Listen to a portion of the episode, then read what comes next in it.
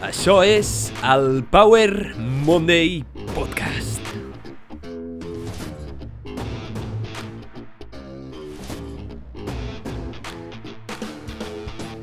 Benvinguts al Power Monday Podcast. Soc en Pau, el teu apassionat de salut, inspiració i ciència, i estic molt agraït de que estiguis escoltant aquest episodi. Friedrich Nietzsche, el filòsof, va pronunciar en els seus escrits la meva fórmula per expressar la grandesa de l'ésser humà es redueix al desig de que res sigui diferent respecte al que és o ha estat, ni en el passat, ni en el futur, ni en l'eternitat. No només parlo de suportar el necessari, sinó de no dissimular-ho i fins i tot estimar-ho amb escreix.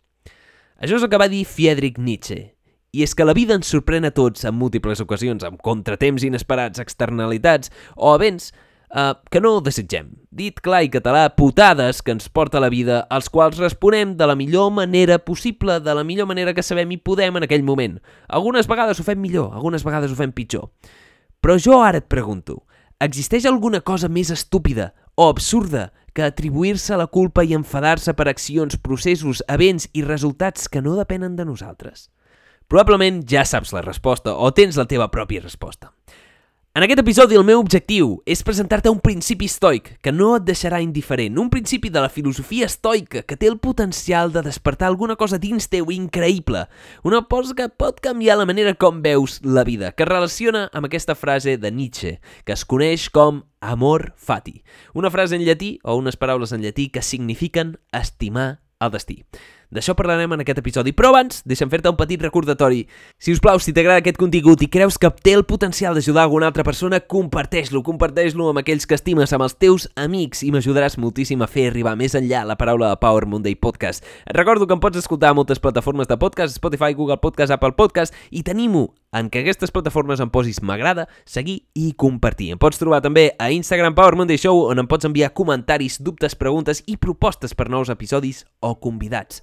També em pots trobar a la xeta on pots donar suport en aquest contingut 100% gratuït en català que intenta promoure la inspiració i una mica viure en funció de l'evidència que tenim. Avui et porto un dels principis de filosofia estoica més coneguts i més importants de tots. Amor fati, estimar el teu destí. Som-hi! Segons els estoics, tot el que ha passat tenia que passar tal i com ha passat, i les nostres accions responen a un pla fix que comunament ells determinen com destí o fatum. Fati, amor fati. Amor fati no ve per estimar el teu creix, eh? no, no és uh, I, love, I love my fattiness. No, aquí parlem de filosofia. Els estoics creien en el que es coneix com a determinisme cosmològic, que ve dir que tot aconteixement físic en aquest món està determinat per la cadena intrencable de la causa i l'efecte, i per tant l'estat present del cosmos ve determinat pel passat i el present determinarà el futur.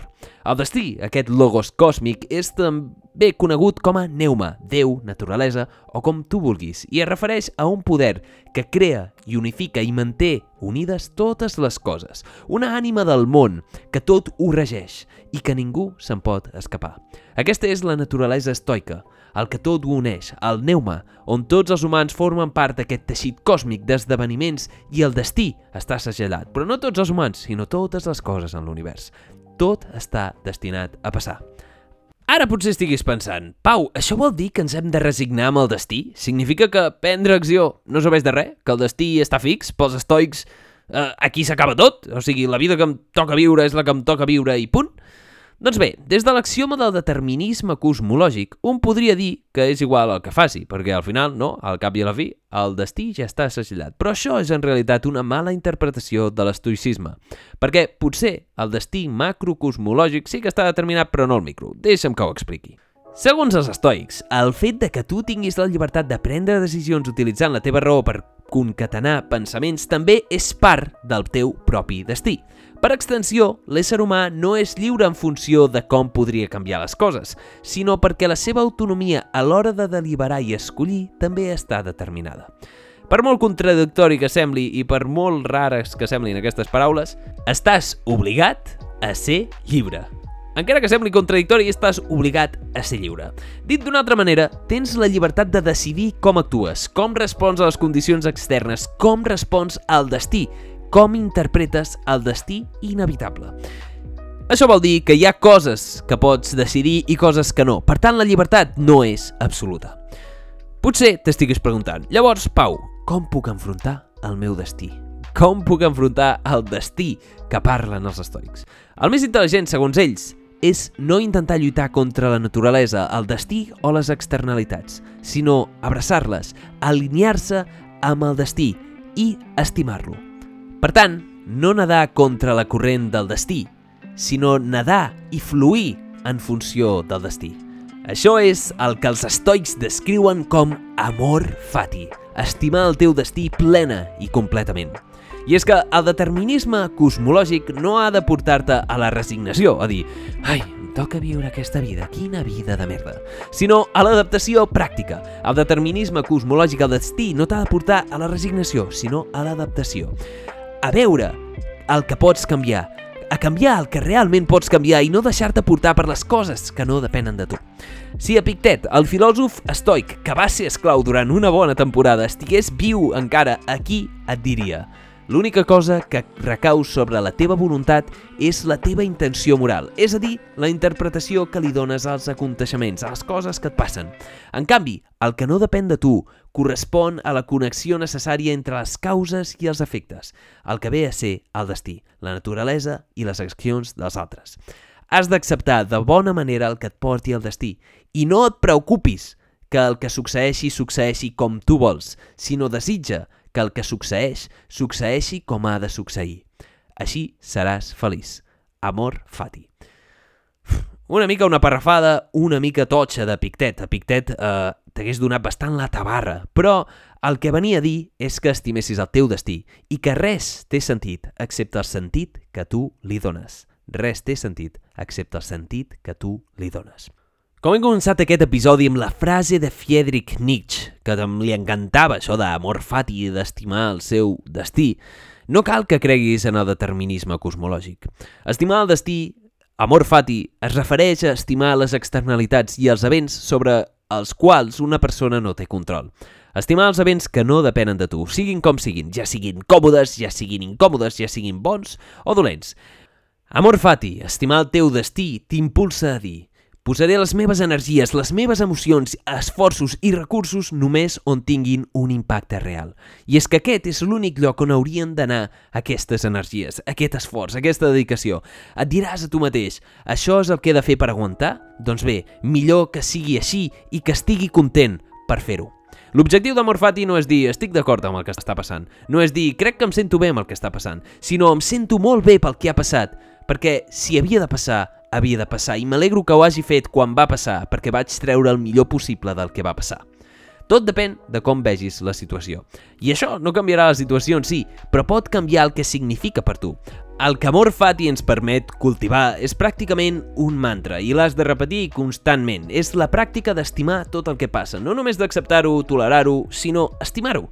Amor Fati és estimar qualsevol circumstància externa que no depèn de tu ara mateix ja si sigut culpa teva o no hagi sigut culpa teva. Pensa, això m'ha passat i ha sigut així perquè sé que em farà millor. També amb els events positius o amb els events negatius.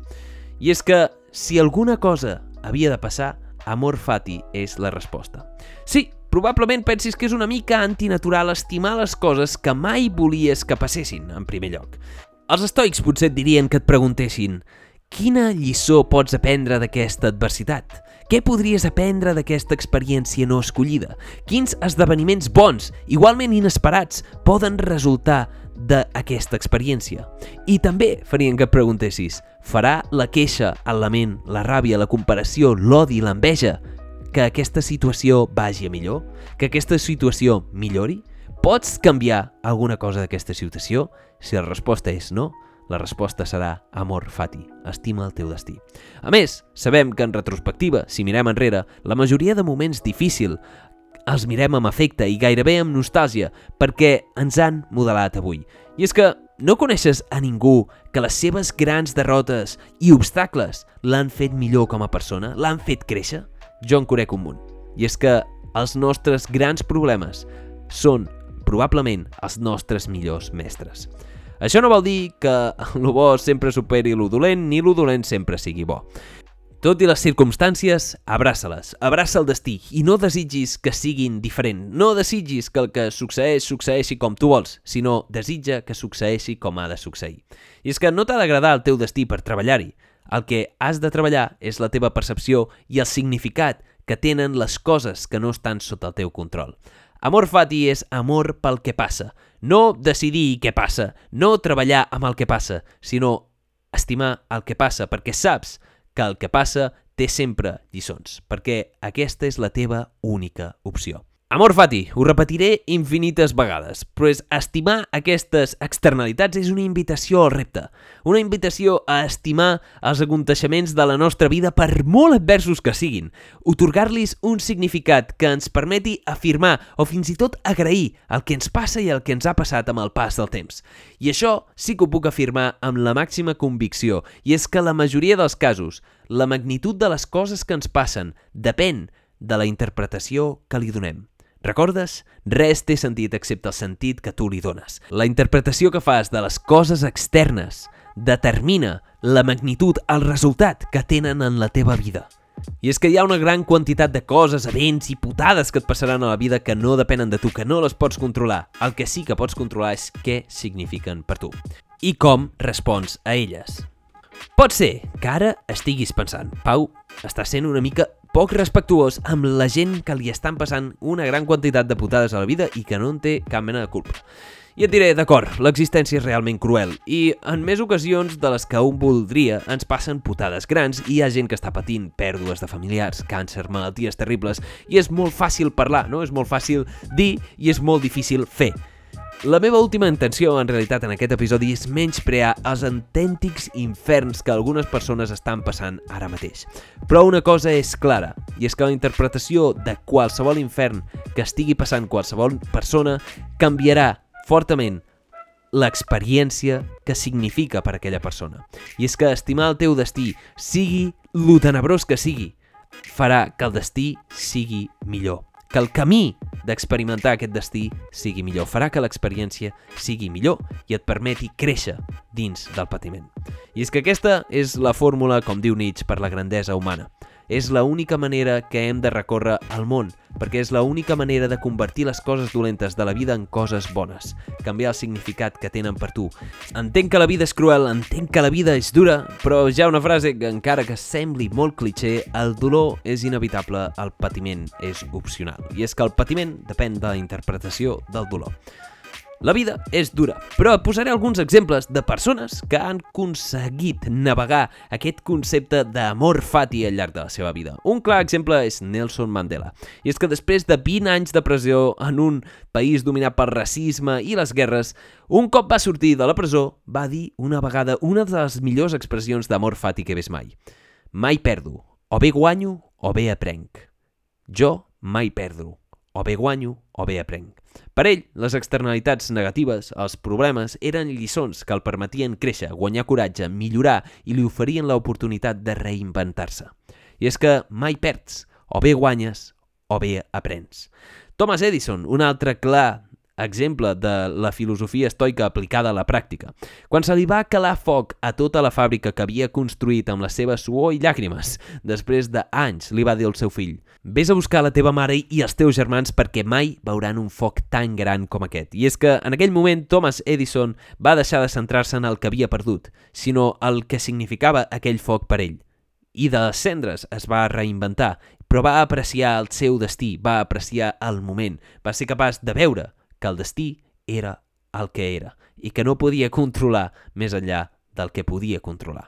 Amor fati no és només un principi filosòfic, és un principi pràctic que et permet enfocar la teva vida, et permet canviar la perspectiva. Et posaré alguns exemples reals d'amor fati que els pots enfrontar diàriament. Per exemple, quan et despedeixen a la teva feina, amor fati, m'encanta, estimo el meu destí, perquè aquesta el fet de que t'hagin despedit ja no canviarà i probablement una nova feina et podrà aportar nous principis. Una lesió pot ser una gran putada, però amor fati, estimo el destí, perquè aquesta lesió em pot permetre conèixer millor el meu cos, reforçar parts que no, que no he pogut reforçar, entendre'm i créixer del problema. Un suspens és amor fati, és suspès, però això em pot permetre estudiar i reconsolidar els temes, aprendre dels meus errors. Una ruptura d'amor també pot ser amor fati, també pots estimar el teu destí. Fins i tot l'amor, encara que sembli estranya, l'amor pot ser amor fati, l'amor dels, de les éssers que estimes, perquè la resignació, l'odi, la ràbia i la tristesa no t'aportaran res. Està bé estar trist, està bé estar trist, però està també bé entendre que hi ha coses que no pots modificar, coses que no pots canviar, encara que siguin molt injustes. Així que si no les pots canviar, estima-les. Recorda, no són poques les vegades que les bendicions estan disfressades de malediccions. No són poques les vegades que les grans putades de la vida són en realitat grans benediccions. I és que crec realment que l'èxit més gran en aquesta vida és ser capaç de convertir la teva maledicció més gran, el teu major dimoni, el teu problema més gran, en el teu regal més preuat, en la teva benedicció. Ser capaç de capgirar els problemes, capgirar els obstacles, perquè aquests siguin els millors mestres, les millors lliçons, perquè els problemes et serveixin de combustible, perquè els problemes en realitat t'ajudin a créixer. I és que tinc preguntes per tu. Quin problema tens ara que et pot servir com a lliçó? Com pots girar la truita en el teu problema, en el teu dimoni? Com pots fer que l'obstacle es converteixi en el camí? I quins obstacles recordes que t'han ajudat a créixer? Potser no canvia el problema, però sí el que significa per tu. I és que personalment fa temps que m'enfronto a problemes de salut. Problemes que els he considerat durant molt temps grans putades. Problemes que potser no els desitjaria a ningú. Però en realitat, L'única opció que tinc és estimar-los, amor fat, i estimar aquests problemes i veure com em poden ajudar a créixer.